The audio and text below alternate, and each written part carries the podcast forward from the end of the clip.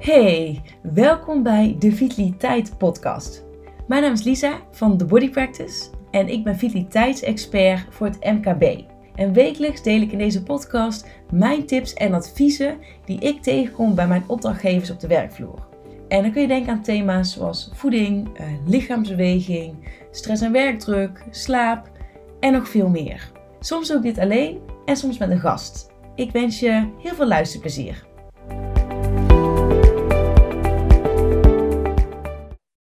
Ik heb vandaag uh, advocaat en arbeidsspecialist uh, Sebastiaan Verlinde van Works Advocaten te gast. Sebastiaan, welkom en leuk dat je er bent.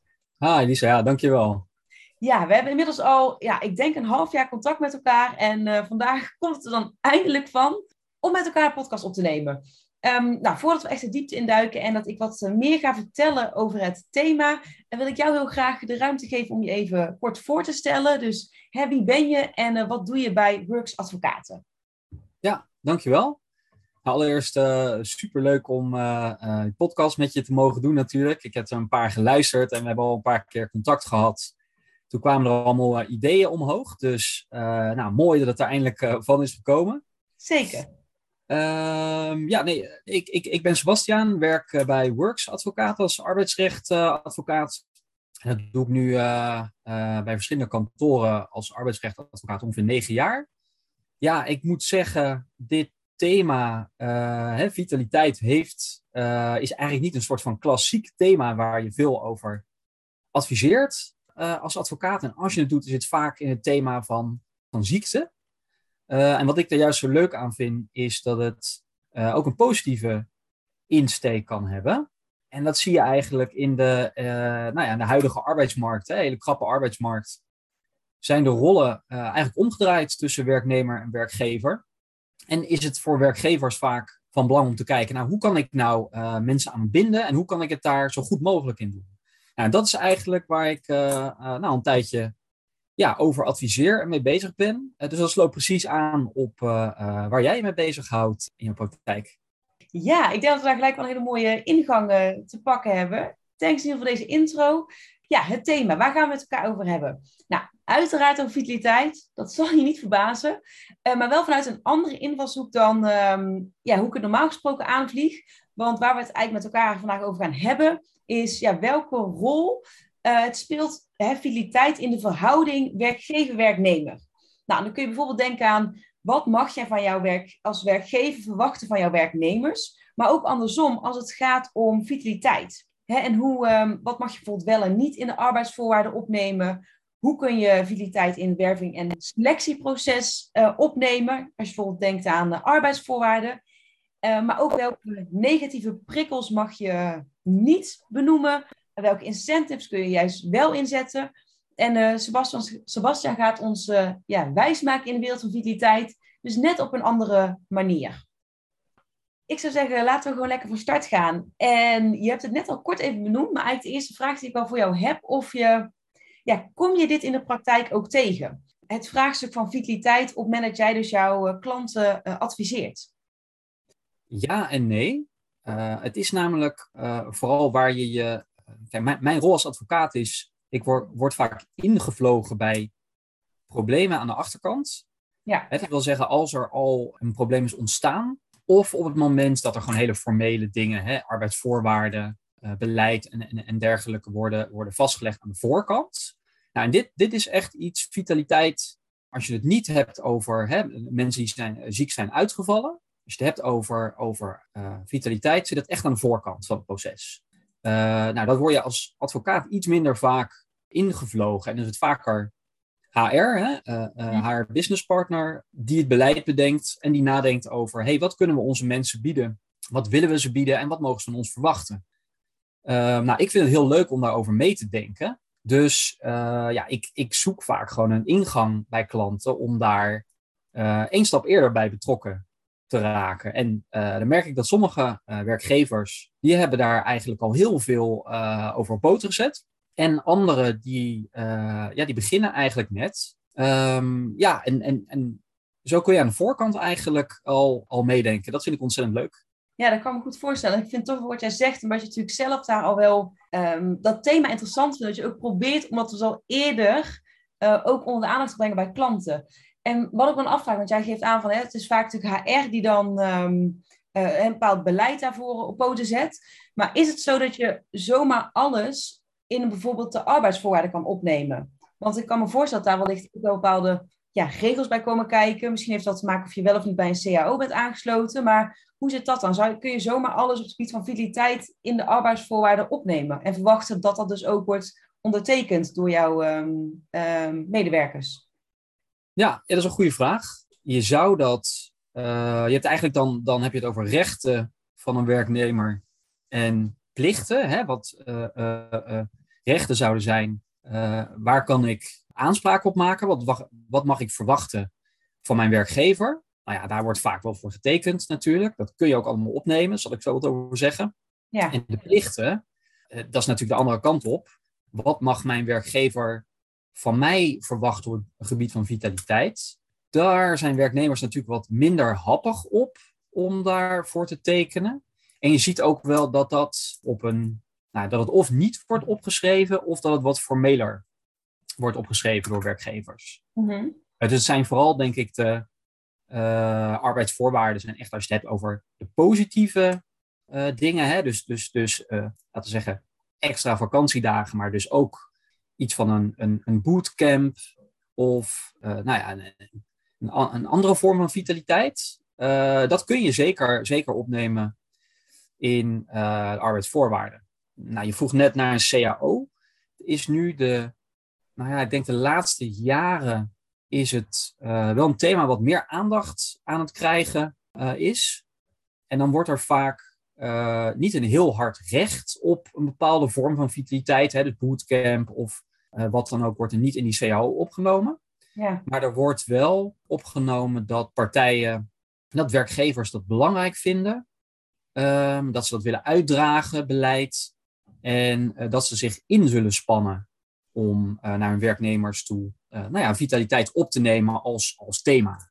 Ja, dat vind ik wel interessant wat je zegt. Want je ziet natuurlijk vaak als je bijvoorbeeld bepaalde vacatures voorbij ziet komen of in, de, in de communicatie, zie je natuurlijk dat vaak bedrijven zeggen van wij vinden vitaliteit belangrijk of wij vinden de gezondheid van, ons, van onze medewerkers belangrijk. Maar dat is natuurlijk heel makkelijk om dat te zeggen en te roepen.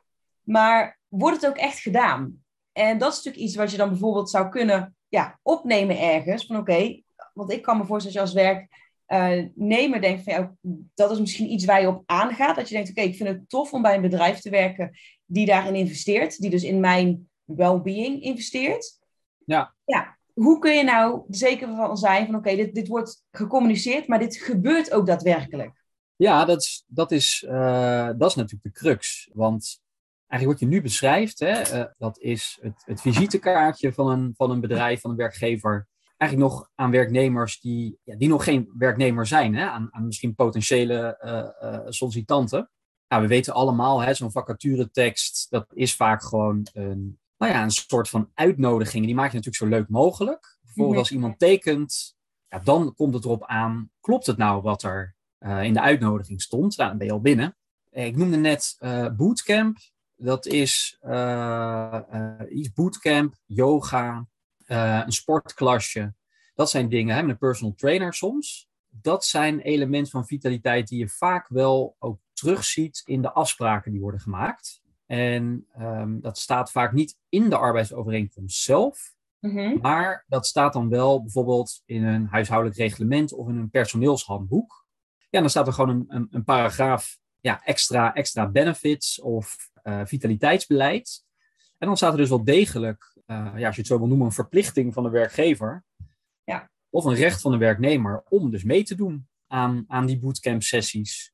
Uh, ja. dus dat, dat, dat zie je in de praktijk dat dat zeker ook ja, als afspraak wordt opgeschreven. En wat je vaak ook ziet, wat ik zeker, dan ben ik benieuwd hoe jij dat ziet. Ja. Ook onder vitaliteit wel schaar is, is iets wat, wat werkgevers vaak aanduiden als work-life balance. Mm En dan voordat, voordat ik daar iets, iets over zeg, ben ik eigenlijk wel benieuwd, hoe kom jij dat tegen bij jouw opdrachtgevers? Ja, dus echt die werk-privé-balans bedoel je? Ja. Ja, ik zie sowieso dat dat echt wel steeds meer een, um, uh, in de laatste jaren wel steeds meer een onderwerp is geworden. Zeker met, het, met de introductie van het, van het thuiswerken. En dat de grenzen ook een beetje ehm, vervagen, zie ik dat dat eigenlijk medewerkers daar wel steeds meer tegenaan lopen. Maar het gaat niet alleen over thuiswerken, maar dan heb je bijvoorbeeld ook heel erg over, oké, wat verwachten wij van elkaar uh, ten aanzien van bijvoorbeeld de mail? Hè, wordt, wordt er, ehm, is het zo dat mensen s'avonds hun mail nog moeten beantwoorden? Uh, dat ze bijvoorbeeld in het weekend nog even een mail checken? Dat ze binnen het uur bijvoorbeeld moeten, moeten hebben gereageerd? En ik merk dat dat nog best wel een, um, als je het hebt over werk-privébalans, dat de mail heel vaak een ding is. Oké, hoe ga je daar dan mee om? En waar ligt dan dus ergens die grens? En dat ligt ook wel een beetje bij medewerkers zelf, in hoeverre ze daar ja, gevoelig voor zijn, tussen aanhalingstekens. Want sommigen kunnen dat heel goed afbaken voor zichzelf. Zo van, oké, als ik op het werk ben, bewijs van van 9 tot 5 doe ik mijn mail. Ik heb geen uh, mail op mijn telefoon. Uh, avond en weekend check ik het niet. Terwijl bijvoorbeeld een, um, dan een leidinggevende s'avonds nog een mailtje stuurt. Zo van, oh, dan, dan hè, dat zit nog even in mijn hoofd. Goed, gooi ik vast even op de mail. Ja, precies. Een collega dat dan kan zien en kan denken, oh, ja, maar shit, ik zie nu het mailtje uh, binnenkomen. Het is half tien s'avonds. Ja, moet toch snel even wel reageren of wel even afhandelen. Ja. En dan zie je natuurlijk dat er een, een beetje een vervaging komt tussen ja, die werk-privé. Want eigenlijk je privé-tijd, zeg ik ook tussen aanhalingstekens, wordt dan ook een beetje werk. Ja, als die, als die scheidslijn er niet meer is, dat kan natuurlijk wel ook zorgen voor stress, onrust, voor ervaren van te hoge werkdruk. Dus ik zie zeker wel dat dat een, een steeds groter thema wordt bij opdrachtgevers. En zie je dan ook dat daar, het, het heeft, um, zo, zo, zo, zo versta ik je dan, zo heeft, het heeft de aandacht van je opdrachtgevers. Is het ook zo dat ze daar uh, bewust naar, naar hun medewerkers toe dat adresseren of afspraken over maken? Bijvoorbeeld aangeven van, uh, jij hoeft inderdaad niet beschikbaar te zijn. Dus, uh, of misschien zelfs nog een stapje verder. ik verwacht van jou dat jij, er zijn wel bedrijven die dat doen, ik verwacht van jou dat jij gewoon na zes uur je mail niet meer checkt. Zie, zie je dat ook wel eens terugkomen? Nou ja, als ik bijvoorbeeld daar een gesprek over heb met HR en ik vraag ook van oké, wat zijn, hebben jullie daar regels voor? Dan merk je dat heel vaak ongeschreven regels zijn. Zo van ja, maar dat, dat weten we toch van elkaar dat we er zo mee omgaan. Terwijl het dan dus niet echt duidelijk wordt gecommuniceerd. En wat daarbij dan het probleem is, dat ook iedereen um, zijn eigen verwachtingen daarvan heeft. Waardoor dus de ene collega dat wel heel strikt voor zichzelf doet, terwijl een andere collega dat niet doet. En dan krijg je natuurlijk uh, verschillen in verwachtingen, waardoor de ene natuurlijk veel meer druk voelt van ja, maar ik krijg van jou s'avonds een mailtje. Uh, dat levert mij stress op, want dan heb ik het idee dat ik s'avonds die mail nog moet doen. Terwijl die ander zoiets heeft, ja, maar ik vind het gewoon prettig om s'avonds nog even bij te werken, maar dat heeft niks te maken met dat jij dat ook meteen moet beantwoorden. Ja. Dus ik zie wel dat daar sommige bedrijven zie ik dus dat dat, dat dat echt wel met elkaar is afgesproken. Maar heel vaak zie ik ook dat het gewoon is van ja, we weten toch wel hoe we dat met elkaar doen. Terwijl dat dan dus niet helemaal echt duidelijk is gecommuniceerd of echt ergens staat beschreven. En dat maakt het natuurlijk heel lastig, want dan bevind je in zo'n grijs gebied van ja, maar hoe jij dat ziet, wil niet per se zeggen dat de ander dat ook zo ziet. Ja, nou dat, dat is eigenlijk precies wat ik, wat ik ook uh, tegenkom uh, bij, bij, bij veel bedrijven. Mhm. Uh, maar ik zie daar wel een soort van voorzichtige kentering in. Um, dat is namelijk dat bedrijven, hè, je, je, je kan, dat doe je niet in een arbeidsovereenkomst, maar vaak dan gewoon in of je personeelshandboek, of een regeling, of gewoon ook in, in, in een soort van ja, een, een, een huishoudelijk reglement of iets dergelijks, wat je gewoon op intranet zet. Mm-hmm. En daar schrijf je dan op niet zozeer wat de afspraken zijn, en ook niet wat, wat, wat de werk, werknemer. Hè, dus het, het, is verboden om na zes uur je mail te beantwoorden. Maar eigenlijk um, zie je vaak een aanmoediging van, uh, van werkgevers. en waarin dus, dat kun je ook gewoon precies zo doen. En dat zou ik ook zeker aanraden voor werkgevers. Ja. Um, meerdere redenen. Om vast te leggen wat je van je, uh, van je medewerkers verwacht, maar ook uh, wat je niet van ze verwacht. En dat kun je ook echt precies op die manier opschrijven. En dat kun je ook nog op een leuke manier opschrijven, namelijk, joh, uh, we vinden het ontzettend belangrijk dat we deze en deze cultuur hebben in, in, ons bedrijf. Nou, het is best wel, vind ik, een beetje ouderwets dat je zegt van, hè, in ons bedrijf zeggen we elkaar gedag aan het begin van de werkdag, et cetera. Je leest het nog wel eens. Ja. Wat veel moderner is, um, is om te zeggen, joh, we weten dat iedereen tegenwoordig uh, een smartphone heeft. En we vinden het ook best belangrijk dat we goed met elkaar kunnen communiceren, ook snel naar klanten kunnen communiceren. Maar medewerker, wij vinden het ook heel belangrijk dat jij het op de lange termijn ook gewoon goed blijft doen. Dat je ook plezier blijft beleven aan je werk. En daarin is privé-werkbalans voor ons best wel belangrijk. Nou, dat hè, wij verstaan daaronder, uh, en dan kun je best wel een aantal situaties uitschrijven. Mhm. Wij verstaan daaronder, nou, eigenlijk net wat jij, wat jij noemde. Hè. Weet dat als, als jij bijvoorbeeld een parttime dag hebt, dat collega's van jou of de baas, uh, die zullen jou mails sturen. Misschien sturen klanten jou mails. En weet dat wij niet verwachten dat je daar bijvoorbeeld op je vrije dag of in het weekend of uh, in de avonduren meteen op reageert. Hè, uitgangspunt bij ons is, uh, onze werkdag begint om zo en zo laat en eindigt om zo en zo laat. Mhm. En hè, het kan natuurlijk voorkomen dat je een keer zegt van nou, dit vind ik heel belangrijk of dit vraagt de klant. Maar wij willen graag benadrukken naar jou toe, uh, en dan dit allemaal natuurlijk wat korter opgeschreven. Weet dat we dat niet van je vragen en dat we eigenlijk het zelfs ja, fijn vinden als jij pas de volgende dag reageert. Ja. En ik denk als je die aanmoediging opschrijft, dan voorkom je onduidelijkheid. Dus zeker bij nieuwe mensen, uh, die moeten natuurlijk nog onderzoeken wat de cultuur is in een bedrijf. Mhm. En uh, helemaal jonge mensen die net beginnen aan hun carrière, die zijn waarschijnlijk hè, helemaal in het digitale opgegroeid. Die zijn ontzettend gedreven om te laten zien, hè, ik wil het goed doen. En die zijn ook bereikbaar, die zien een mailtje binnenkomen, die willen dat meteen beantwoorden. Nou, we weten inmiddels allemaal wel, ook uit onderzoek, dat dat op de lange termijn gewoon stress oplevert. Ja, um, dus dat kun je zeker op een, op een leuke manier vastleggen uh, als bedrijf. En dat heeft ook echt wel uh, een positief effect op de mensen uh, die je in je team hebt. En dat is dus zowel goed dan voor de mensen die, dus zeg maar je huidige personeel, maar dus ook zeker voor eigenlijk ja, nieuwe medewerkers. Om hen eigenlijk zo snel mogelijk bekend te maken met het bedrijf en te weten, oké, hoe gaan wij hier met elkaar om en wat mag jij van ons verwachten en wat verwachten wij van jou? Ja, zeker. En als je dat dan, laten we zeggen, in een soort van personeelscyclus, uh, als, je, nou, als je dat als een, horizontale lijn zou zien, hè, dan is natuurlijk het eerste contact dat iemand heeft met jouw bedrijf, dat is bijvoorbeeld de vacaturetekst. Mm uh, daar benoem je zoiets in van dit is onze cultuur en uh, nou, vitaliteit vinden wij belangrijk. Um, en, en dat betekent ongeveer dit. Vervolgens is natuurlijk het aanbod dat je een werknemer doet, en gewoon het, het voorstel van een arbeidsovereenkomst. Dat is, dat is stap 2. Nou, dan, dan leest iemand eigenlijk voor het eerst op papier hoe uh, ja, die, die, die werkverhouding eruit zou komen te zien.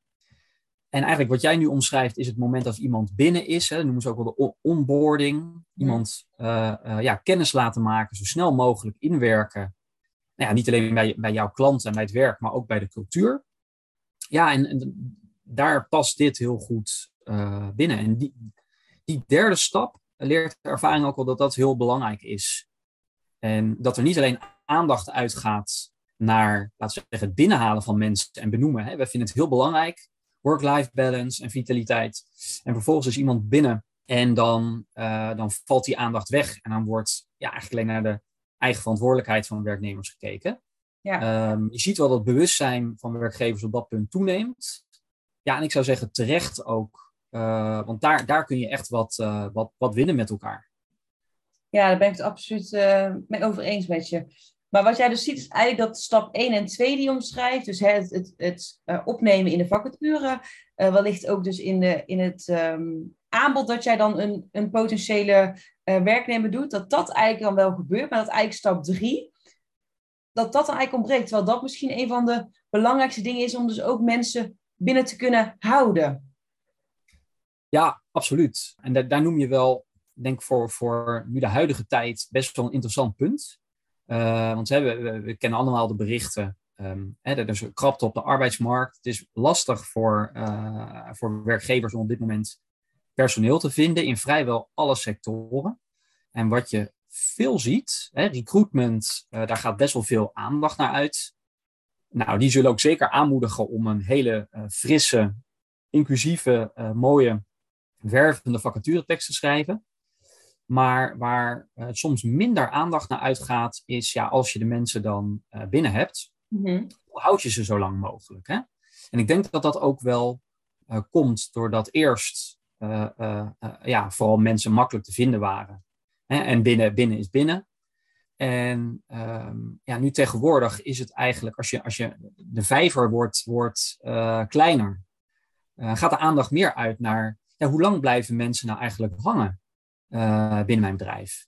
En daar zie je wel eh, een hele grote eh, scheiding tussen bedrijven, dat zie ik ook bij mijn klanten, waar mensen echt nog 30, 40 jaar in dienst zijn, die dus blijkbaar iets vinden in dat bedrijf wat ze enorm trekt en wat ze, wat ze bindt.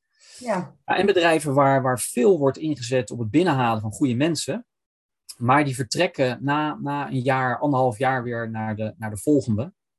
Ja, en ik denk dat daar, als je positief verwoordt, daar valt nog een hele grote slag te maken in, voor werkgevers in het, in het waarmaken eigenlijk wat je, eh, wat je iemand hebt, waarmee je iemand hebt gelokt. Ja. En ja, zorgen dat iemand ook, als hij binnen is, dat, ja, dat, dat ook vindt. En dan bedoel ik eigenlijk niet eens hè, dat, je, dat je iemand onder uh, valse voorwenselen binnenhaalt. Dat je zegt van nou, we hebben een enorm goed vitaliteitsbeleid. Hè. Je mag uh, uh, één keer in de, in de week is er een, een, stoelmassage en je mag één keer in de week hardlopen op kosten van de baas. En dat klopt niet. Mm -hmm. Dat bedoel ik eigenlijk niet. Maar meer dat je ook de aandacht daarvoor blijft houden. en dat begint, dat begint dus met de cultuur vastleggen uh, wat je van mensen verwacht, wat je niet van ze verwacht. Ja, en ik denk ook gewoon blijven investeren in nou ja, het, het, het, contact met je mensen over, over vitaliteit. En dat ja. kan zijn, uh, uh, nou ja, zelf ook eens meedoen als baas hè, bij, die, bij die bootcamp en, en, en yoga sessies. en de Mudmasters, wat ook wel vaak op de agenda staat. Maar ook aan mensen vragen, bijvoorbeeld na een half jaar nadat ze binnen zijn, joh, um, hoe, hoe voel je je? Hè? En, en, en, en uh, is jouw work-life balance op dit moment wat je ervan verwachtte? En ik denk dat dat bij veel werkgevers klinkt een beetje, een beetje zweverig misschien, een beetje makkelijk wat ik nu zeg. Maar als je bedenkt dat de meeste mensen weggaan niet zozeer om salaris, maar om bedrijfscultuur, mm -hmm. niet aansluit bij, bij wat ze ervan hadden verwacht, ja, dan kan je hier enorme slag maken. Want na een half jaar kan je nog zeggen, joh, uh, oh, nou dan eens kijken of we het anders kunnen doen. Ja, uh, ja. en als mensen weggaan, dat exitgesprek, hè, dat vaak nog wel wordt gevoerd, ja, dan ben je al te laat.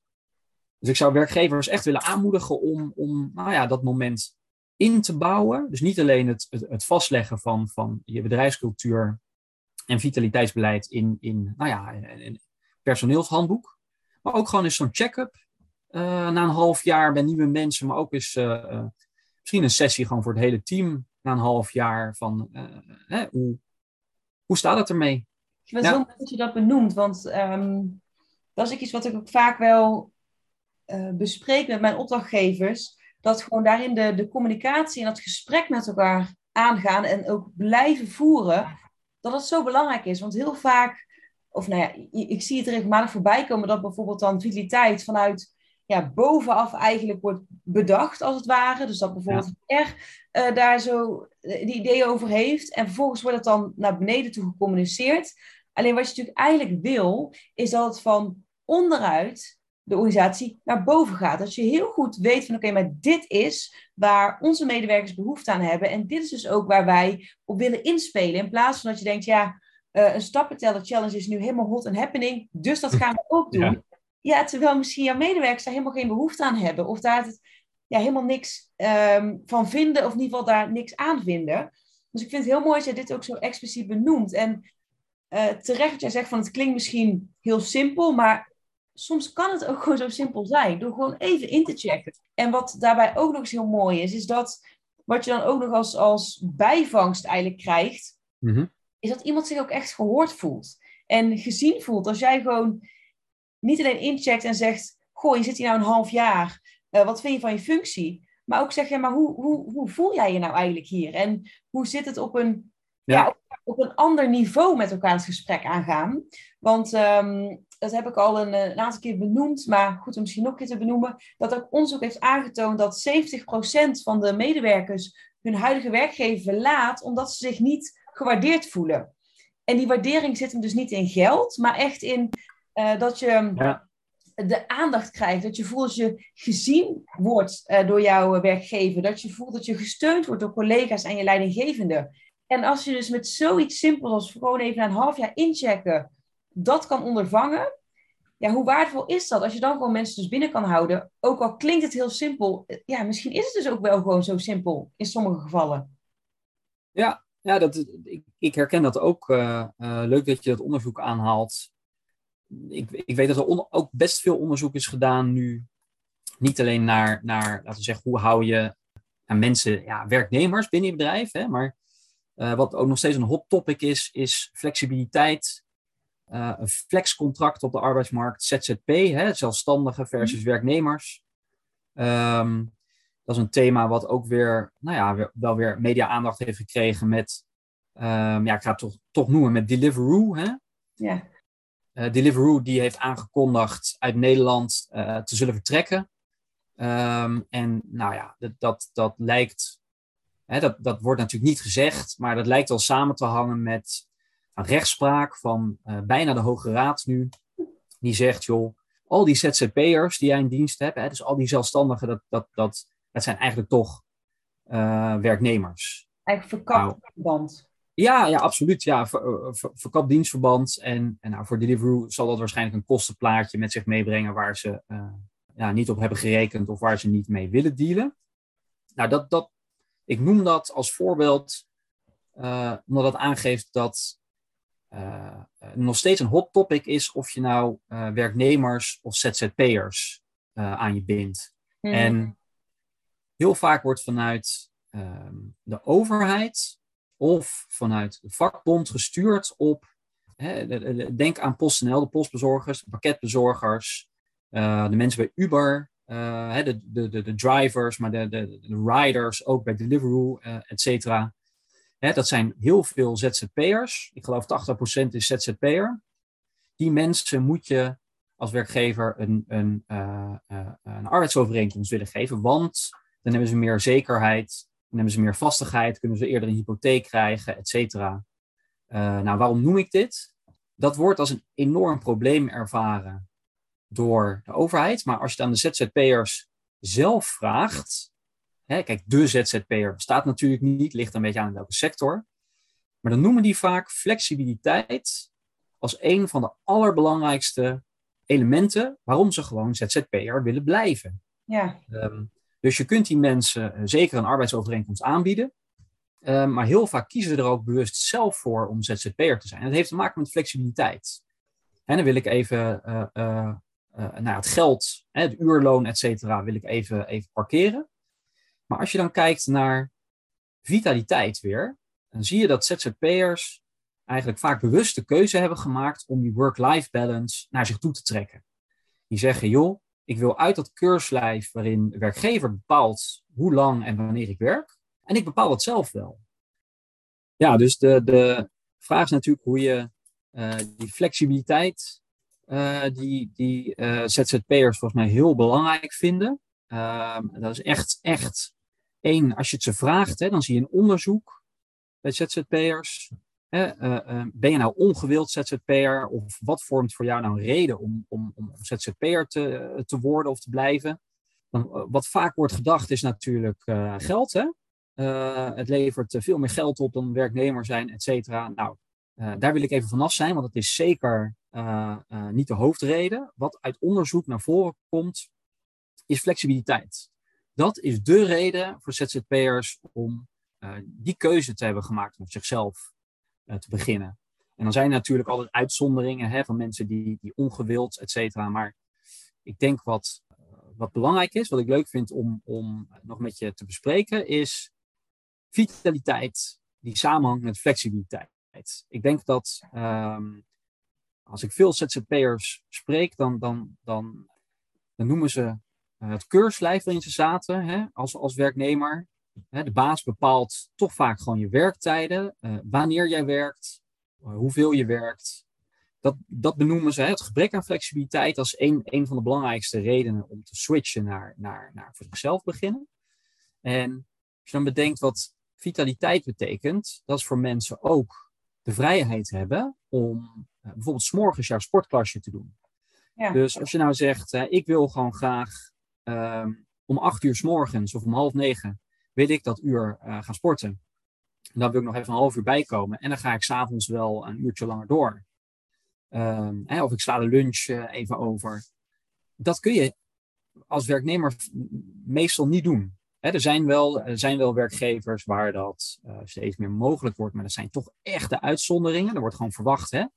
als jij van, van 9 tot 5 moet zitten, ja, dan moet je maar je eigen tijd gaan sporten. Mm -hmm. Ja, en dat is een van de, van, de, van de voordelen die ik hoor van ZZP'ers die zeggen, joh, weet je, ik heb de stress die ik had als werknemer, um, um, die is uh, voor een groot deel helemaal weg. En dat komt gewoon doordat ik zelf kan bepalen wanneer ik werk.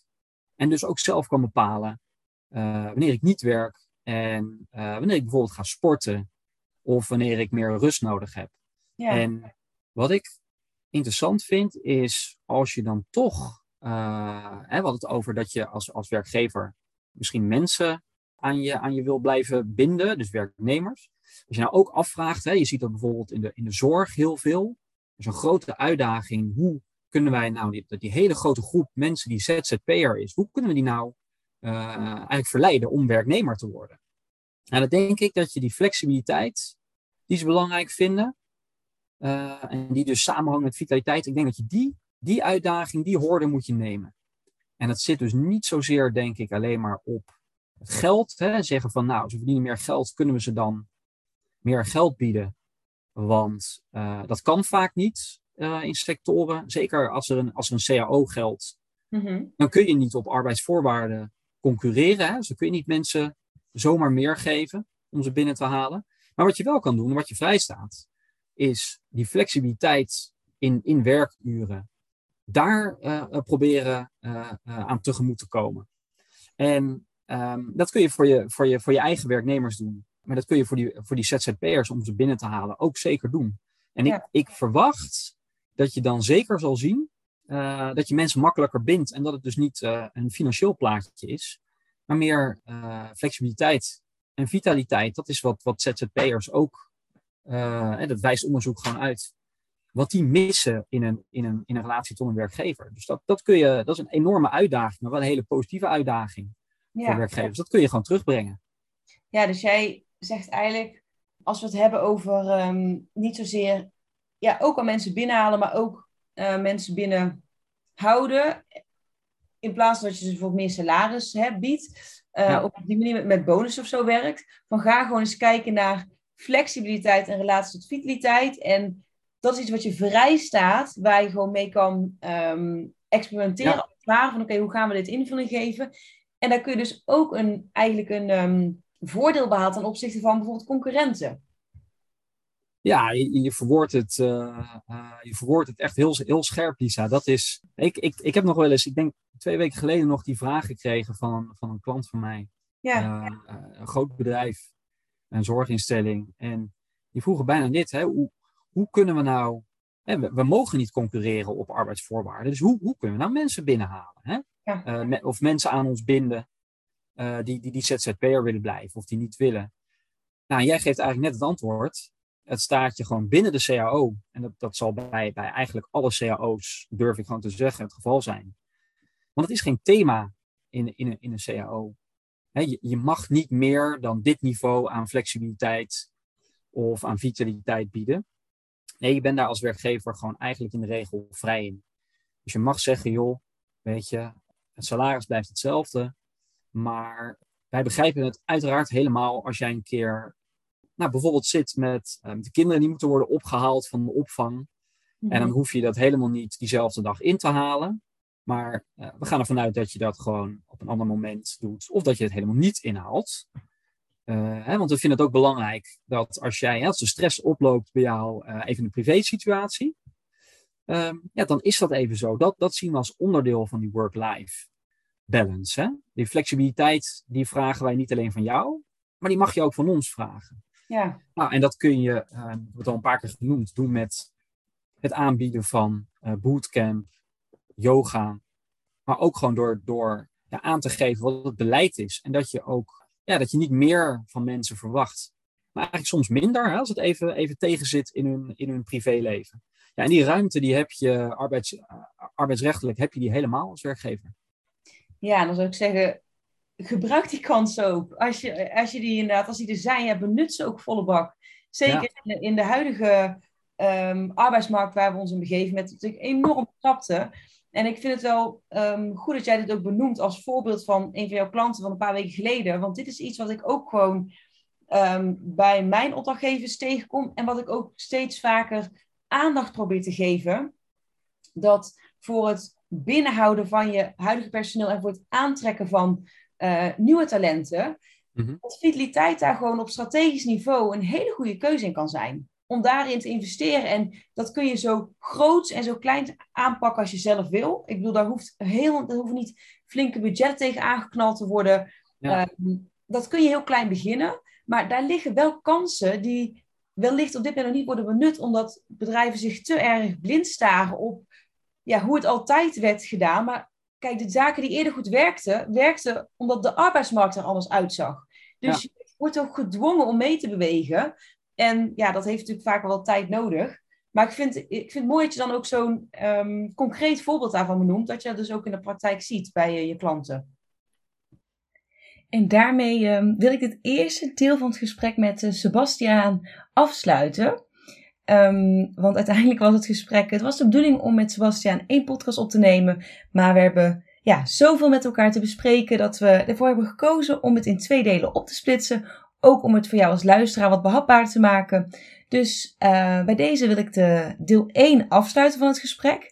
En ik kan je zeker adviseren om naar deel 2 ook te luisteren. Die komt uh, later deze week online. En daarin gaan we het onder andere hebben over um, ja, hoe stress en werkdruk ook bijvoorbeeld in, de, in het onderwijs een heel grote rol speelt. En waar wij zien ja, waar daar kansen liggen voor zowel werkgevers als werknemers. We gaan het hebben over een stukje ja, eigenaarschap van de, van de werknemer. Uh, maar ook over uh, flexibiliteit, uh, invitiliteit en hoe dat dus ook een heel belangrijk thema kan zijn. Dus ik zou zeker zeggen, luister de volgende keer weer. Want um, uh, Sebastian gaat weer heel veel praktische tips geven die, um, die super waardevol zijn. En voor nu wil ik je in ieder geval erg bedanken voor het luisteren. En hopelijk ben je er ook de volgende aflevering, dus deel 2 met het gesprek met Sebastian, weer bij. En dat was hij weer voor vandaag. Ik wil je onwijs bedanken voor het luisteren naar deze podcastaflevering van de Vitaliteit Podcast. Ik hoop dat hij ook vandaag weer onwijs waardevol voor je is geweest. En voel je je zeker vrij om deze aflevering te delen in jouw netwerk. Mocht je iemand in je netwerk hebben die hier ook profijt van kan hebben, dan wordt dat uh, zeer gewaardeerd. En ik zou het ook onwijs leuk vinden als jij een beoordeling achterlaat op Spotify of op Apple Podcast. Vind ik alleen maar heel erg leuk om te zien. Nou, ik hoop dat jij er de volgende keer weer bij bent. En voor nu wil ik je in ieder geval nog een hele fijne dag wensen.